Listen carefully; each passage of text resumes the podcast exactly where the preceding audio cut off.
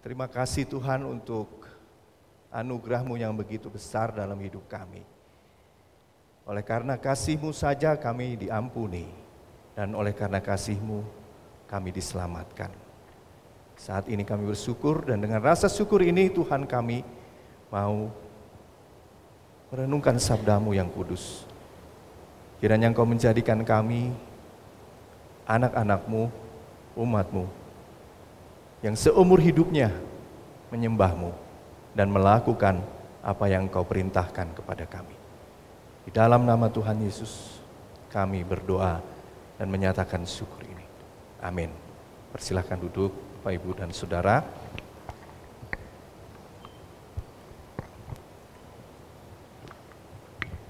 Bacaan Alkitab pada malam hari ini diambil dari Yohanes 13 ayat 1 sampai 17 dan ayatnya yang ke 31 sampai dengan 35. Saya mengajak kita semua untuk membuka Alkitab baik yang ada di gedung gereja maupun di tempat masing-masing. Injil Yohanes pasal 13 ayat 1 sampai 17 dan ayat 31 sampai 35.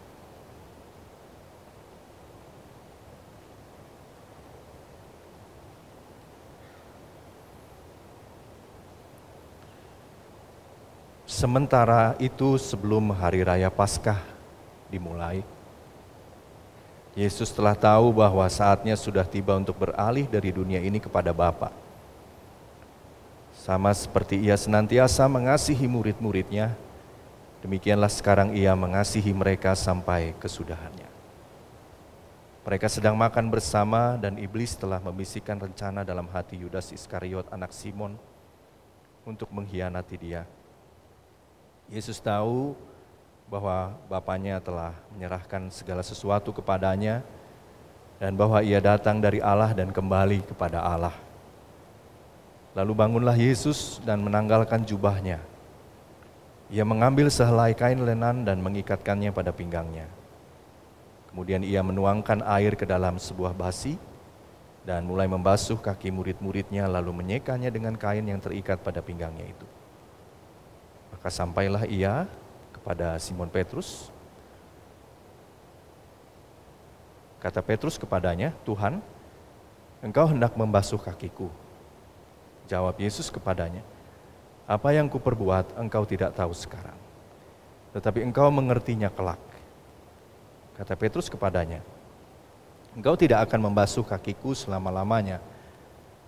Jawab Yesus, jikalau aku tidak membasuh engkau, engkau tidak mendapat bagian dalam aku. Kata Simon Petrus kepadanya, Tuhan, jangan hanya kakiku saja, tetapi juga tangan dan kepalaku. Kata Yesus kepadanya, Barang siapa telah mandi, ia tidak usah membasuh diri lagi selain membasuh kakinya, karena ia sudah bersih seluruhnya. Juga kamu sudah bersih, hanya tidak semua. Sebab ia tahu siapa yang akan menyerahkan dia. Karena itu ia berkata, tidak semua kamu bersih. Sesudah ia membasuh kaki mereka, ia mengenakan pakaiannya dan kembali kepadanya, kembali ke tempatnya. Lalu ia berkata kepada mereka, Mengertikah kamu apa yang telah kuperbuat kepadamu? Kamu menyebut aku guru dan Tuhan, dan katamu itu tepat, sebab memang akulah guru dan Tuhan. Jadi jikalau aku membasuh kakimu, aku yang adalah Tuhan dan gurumu, maka kamu pun wajib saling membasuh kakimu. Sebab aku telah memberikan suatu teladan kepada kamu, supaya kamu juga berbuat sama seperti yang telah kuperbuat kepadamu. Aku berkata kepadamu, sesungguhnya seorang hamba tidaklah lebih tinggi daripada tuannya, ataupun seorang utusan daripada dia yang mengutusnya. Jikalau kamu tahu semua ini, maka berbahagialah kamu jika kamu melakukannya. Sesudah Yudas pergi, berkatalah Yesus, "Sekarang Anak Manusia dipermuliakan dan Allah dipermuliakan di dalam Dia. Jikalau Allah dipermuliakan di dalam Dia, Allah akan dipermuliakan dia, Allah akan mempermuliakan dia juga di dalam dirinya dan akan mempermuliakan dia dengan segera. Hai anak-anakku, hanya seketika saja lagi aku ada bersama kamu. Kamu akan mencari aku dan seperti yang telah kukatakan kepada orang-orang Yahudi, ke tempat aku pergi tidak mungkin kamu datang. Demikian pula aku mengatakannya sekarang juga kepada kamu. Aku memberikan perintah baru kepada kamu, yaitu supaya kamu saling mengasihi sama seperti aku telah mengasihi kamu demikian pula kamu harus saling mengasihi. Dengan demikian semua orang akan tahu bahwa kamu adalah murid-muridku, yaitu jikalau kamu saling mengasihi. Demikianlah Bapak Ibu dan Saudara, sabda Tuhan yang kita baca dan renungkan bersama-sama, dengarkan bersama-sama pada malam hari ini. Berbahagialah kita yang mendengarkannya, memelihara serta melakukan dalam hidup setiap hari. Hosiana.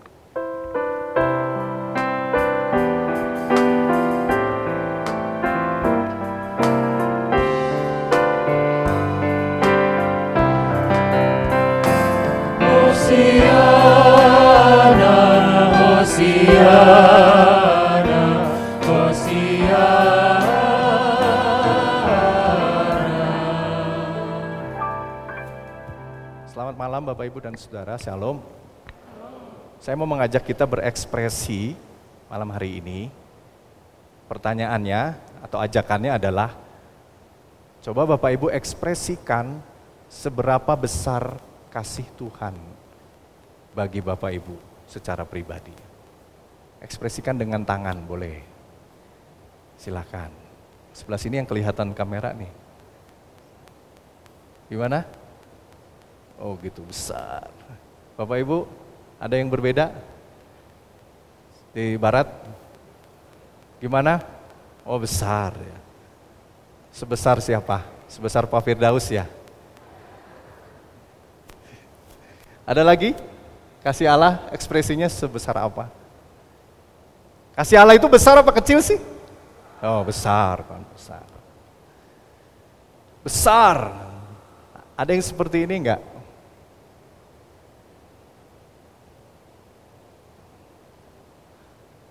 Ada, karena ada sebelahnya jadi kagok ya Bapak Ibu.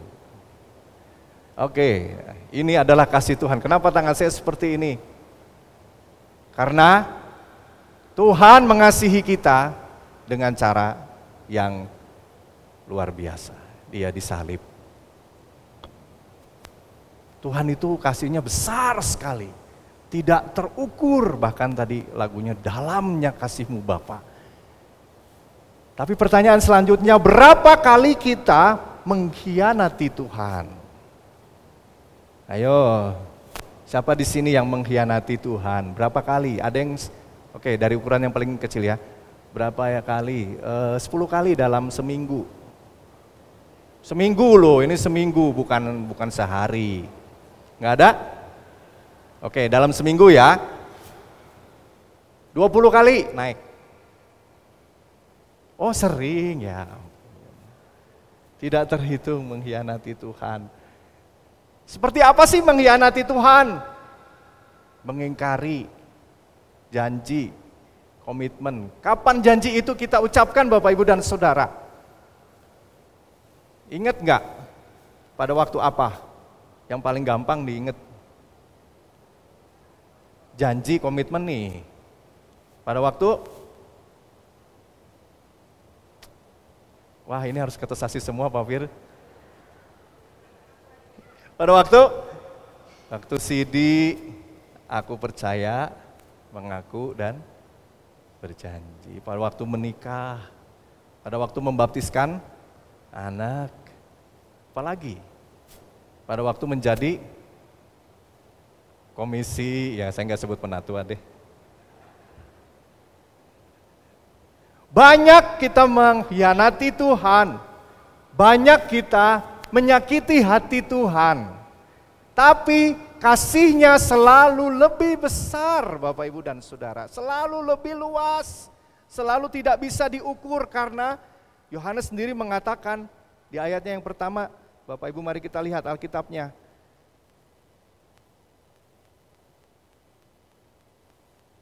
Sama seperti ia senantiasa mengasihi murid-muridnya, demikianlah sekarang ia mengasihi mereka sampai kepada kesudahannya. Apa itu maksudnya? Dari awal sampai akhir Bapak Ibu ya, yang dikasihi Tuhan. Siapa yang dikasihi Tuhan? Pertanyaannya. Pada waktu itu. Murid-muridnya, semua murid-muridnya termasuk Yudas Iskariot dikasihi Tuhan. Termasuk orang yang mengkhianati Yesus. Dibasuh kakinya? Yudas? Dibasuh. Ya, jadi semuanya. Kalau begitu Pak, bolehlah kita berkhianat lagi dan lagi dan lagi dan lagi. Bolehlah kita ingkar janji, janji, janji diingkari lagi. Boleh begitu Bapak Ibu? nanti kan dikasihi Tuhan lagi. Jadi kalau kata bahasa uh, sehari-hari mada Agustima, nyaah nate, apa Pak Fir kalau luas itu bahasa Sundanya? Ya? Hmm? Meber. Hmm. Leber. Nah. Jadi kalau kasihnya luas, bebaslah kita melakukan apa saja. Apakah seperti itu Bapak Ibu dan Saudara? Memang pada waktu itu orang biasa membasuh kaki sendiri sebelum masuk ke ruang pertemuan. Ya. Artinya kalau kita basuh kaki ya kayak kita mau masuk rumah pasti bersih-bersih dulu apalagi waktu masa Covid ya Bapak Ibu kan di luar semprot-semprot dulu pakai disinfektan baru masuk rumah. Seperti itu. Biasanya sendiri dicuci.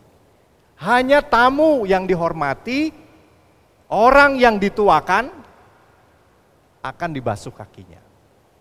Ya. Dan kalau itu dilakukan, pasti dijalankannya sebelum perjamuan. Makanya ada pemahaman kan kalau mau ikut perjamuan itu harus orang yang benar-benar siap. Ya, harus orang-orang yang sudah fokus. Tapi coba Bapak Ibu koreksi, baik yang ada di gereja maupun di rumah. Kalau ada kebaktian persiapan perjamuan kudus ikut enggak? Ya kan? Itu satu. Sebelum perjamuan mereka akan melakukan itu Bapak Ibu dan Saudara. Dan pelayan rumah yang melakukannya bukan tuan rumah. Bukan tuan rumah yang melakukannya. Nah, pembasuhan yang Yesus lakukan Bapak Ibu dan Saudara yang terkasih dilakukan terjadi ya selama perjamuan itu berlangsung. Jadi bukan sebelum tetapi pada saat Tuhan Yesus dan murid-muridnya makan bersama. Jadi perjamuan atau pembasuhan kaki pada saat perjamuan itu ditampilkan bukan sebagai tanda untuk masuk dalam perjamuan, tetapi ada sesuatu yang Tuhan mau sampaikan kepada murid-muridnya pada waktu itu. Bukan juga soal hanya soal kerendahan hati Bapak Ibu dan Saudara siapa yang membasuh begitu ya. Jadi pembasuhan kaki di sini bukan sekadar tanda untuk masuk dalam perjamuan. Mari kita lihat ayat yang ketiga Bapak Ibu dan Saudara. Saya berfokus pada ayat 1 sampai 3. Jadi ayat yang ketiga mengatakan di sana, Yesus tahu bahwa Bapaknya telah menyerahkan segala sesuatu kepadanya dan bahwa ia datang dari Allah dan kembali kepada Allah. Ini yang ditekankan oleh Tuhan Yesus sebelum melakukan pembasuhan kaki. Orang-orang yang berada bersama-sama dengan Yesus pada waktu itu, mengenali Allah dari dekat. Jadi, Yesus menyadari dirinya bahwa dia datang dari Allah dan akan kembali kepada Allah. Dan Allah dalam wujud Yesus itu datang dekat dengan mereka. Bahkan melakukan pembasuhan kaki. Jadi Tuhan Yesus ingin menunjukkan bahwa orang yang ada di dekatnya itu begitu berharga, begitu terhormat. Termasuk Yu, Yudas. Yudas itu terhormat, Bapak Ibu dan Saudara. Boleh kan saya bilang begitu? Karena dibasuh kakinya. Lebih dari itu Bapak Ibu dan Saudara, dia mau berbagi tentang asal dan tujuan kita sebagai pengikutnya, sebagai orang-orang yang percaya kepadanya. Dan inilah yang dimaksudkan Tuhan ketika dia mengatakan ia senantiasa mengasihi murid-muridnya sampai kesudahan. Tuhan Yesus itu sayangnya tidak setengah-setengah, tapi dari awal sampai akhir. Dari mulai dia berkarya sampai dia bangkit. Sampai dia pergi naik ke surga. Bahkan sampai hari ini ketika kita beribadah, Tuhan Yesus sudah naik ke surga dan kita percaya roh kudusnya ada bersama-sama dengan kita. Jadi dia melakukan itu tidak setengah-setengah sampai kepada apa yang dijadikan misinya, misi Allahnya terwujud, misi Bapaknya terwujud. Dia berbagi seutuh-utuhnya kepada orang-orang yang mengikut dia. Jadi ini sebuah teguran yang kedua atau ketiga ya tadi. Kalau ikut Yesus, jangan sebentar-sebentar Bapak Ibu. Sebentar di sini, sebentar di sana, sebentar sadar, sebentar kumat, sebentar bikin dosa, sebentar ber tobat ya konsisten lah. Konsisten gimana pak? Kalau buat dosa buat dosa lah terus gitu ya. Enggak maksudnya ini loh saya mau bicara ini terus terang aja bapak ibu. Saya kalau pergi ke gereja ada orang-orang yang pergi ke gereja. Ini bukan di Bandung ini bukan. Jadi di jemaat saya yang sebelumnya lah nggak apa-apa. Mereka tidak akan tersinggung jadi kalau saya pergi pergi gereja saya suka lihat no jemaat saya ke gereja semua terus ditanya lah ketika eh, apa pelawatan kan Eh, kenapa kemarin ke, nggak ke gereja pak? Ke gereja apa saya? Maksudnya ke gereja itu apa ya? Jadi dia memang pergi ke gereja. Pergi ke gereja Bapak Ibu sampai halaman gereja, dia mengantarkan anaknya sekolah minggu, terus dia pulang lagi. Ke gereja kan? Gereja. Sampai gereja nggak masuk ruang kebaktian dia. Nah dia nongkrong di belakang, jadi kebetulan konsistorinya ada. Di belakang konsistori itu ada rumah poster Nah itu dia nongkrong di situ ngopi segala macam. Jadi ketika ditanya, ah nanti Pak Adi pasti nanya nih, ke gereja nggak Pak? Ke gereja Pak saya. Tapi di di belakang, bukan di dalam gedung gereja. Kan pertanyaannya, ke gereja nggak? Osok ke gereja, Tara? Ke gereja Pak. Seperti itu. Jangan sebentar-sebentar Bapak Ibu. Harus dari awal sampai akhir. Karena itulah yang membuat kita menjadi manusia yang seutuhnya di dalam Tuhan, tidak setengah-setengah. Dan kita lihat buktinya ketika Petrus terheran-heran Bapak Ibu dan Saudara, menerima gurunya membasuh dia, murid yang disebut dengan pemimpin murid ini, melakukan tindakan yang menurut Yohanes pada waktu diceritakannya, dia terlalu berakar pada pemahamannya sendiri. Padahal Tuhan Yesus memberikan sesuatu yang baru. Coba lihat Bapak Ibu dan Saudara. Tuhan mau membasuh kaki Petrus, tapi Petrus kemudian menolaknya. Ya, Petrus menolak. Karena menurut Petrus, ya harusnya janganlah, jangan Tuhan Yesus lah. Padahal bukan itu maksudnya. Pikirannya Petrus itu hanya sampai pada, oh Tuhan Yesus merendah, Gak boleh gitu ya, hanya sampai situ. Padahal Tuhan Yesus mau mengatakan bahwa bukan itu maksudnya. Makanya Tuhan menyampaikannya di ayat 8, jikalau aku tidak membasuh engkau, engkau tidak akan mendapat bagian dalam aku. Itu loh poinnya. Jadi kalau aku tidak membasuhmu, kamu tidak menjadi bagian dari aku. Jadi Tuhan ingin mengajak semua orang khususnya para murid pada waktu itu menjadi bagian dalam tujuan karya penyelamatannya Bapak Ibu dan Saudara.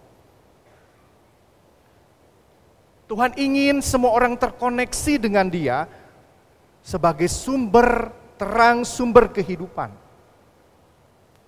Tapi dari sini kita juga bisa belajar Bapak Ibu dan Saudara bahwa kekuatan gelap akan selalu hadir ketika kita berbuat kebaikan.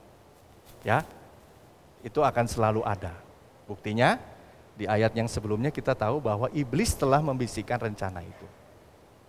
Tapi Petrus memang berkata yang lain. Tapi iblis sudah menguasai Yudas, Petrus punya pemahaman yang lain. Nah ini sengaja ditampilkan Bapak Ibu dan Saudara supaya kita bisa belajar bahwa ketika Allah punya kehendak, Allah ingin menyatakan sesuatu kepada kita, kekuatan gelap itu akan selalu ada. Akan selalu me mengaruhi kita untuk kita tidak melakukan apa yang Tuhan maui.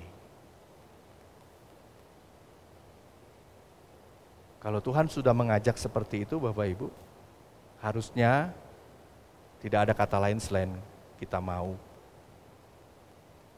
melakukan apa yang ia perintahkan kepada kita. Tuhan tahu bahwa di antara para murid pada waktu itu ada yang tidak bersih. Ya, kita lihat di ayat 11. Di situlah Tuhan mengatakan, sebab ia tahu, sebab siapa yang akan menyerahkan dia, karena itu ia berkata, tidak semua kamu bersih. Tetapi itu dilakukannya, diucapkannya setelah dia membasuh semua kaki murid-muridnya. Jadi Bapak Ibu, ketika kita sungguh-sungguh melakukan apa yang Tuhan sampaikan dan perintahkan kepada kita, pasti ada tantangannya. Ya, pasti ada tantangan. Karena itu tadi, kekuatan gelap akan selalu ada tapi kita hari ini mau ditegaskan, mau dikuatkan oleh firman Tuhan. Di ayat 31 sampai 35 yang mengatakan bahwa aku memberitakan perintah baru kepadamu supaya kamu saling mengasihi. Hanya itu senjata kita Bapak Ibu. Saling mengasihi itu tidak bisa sendirian, namanya juga saling.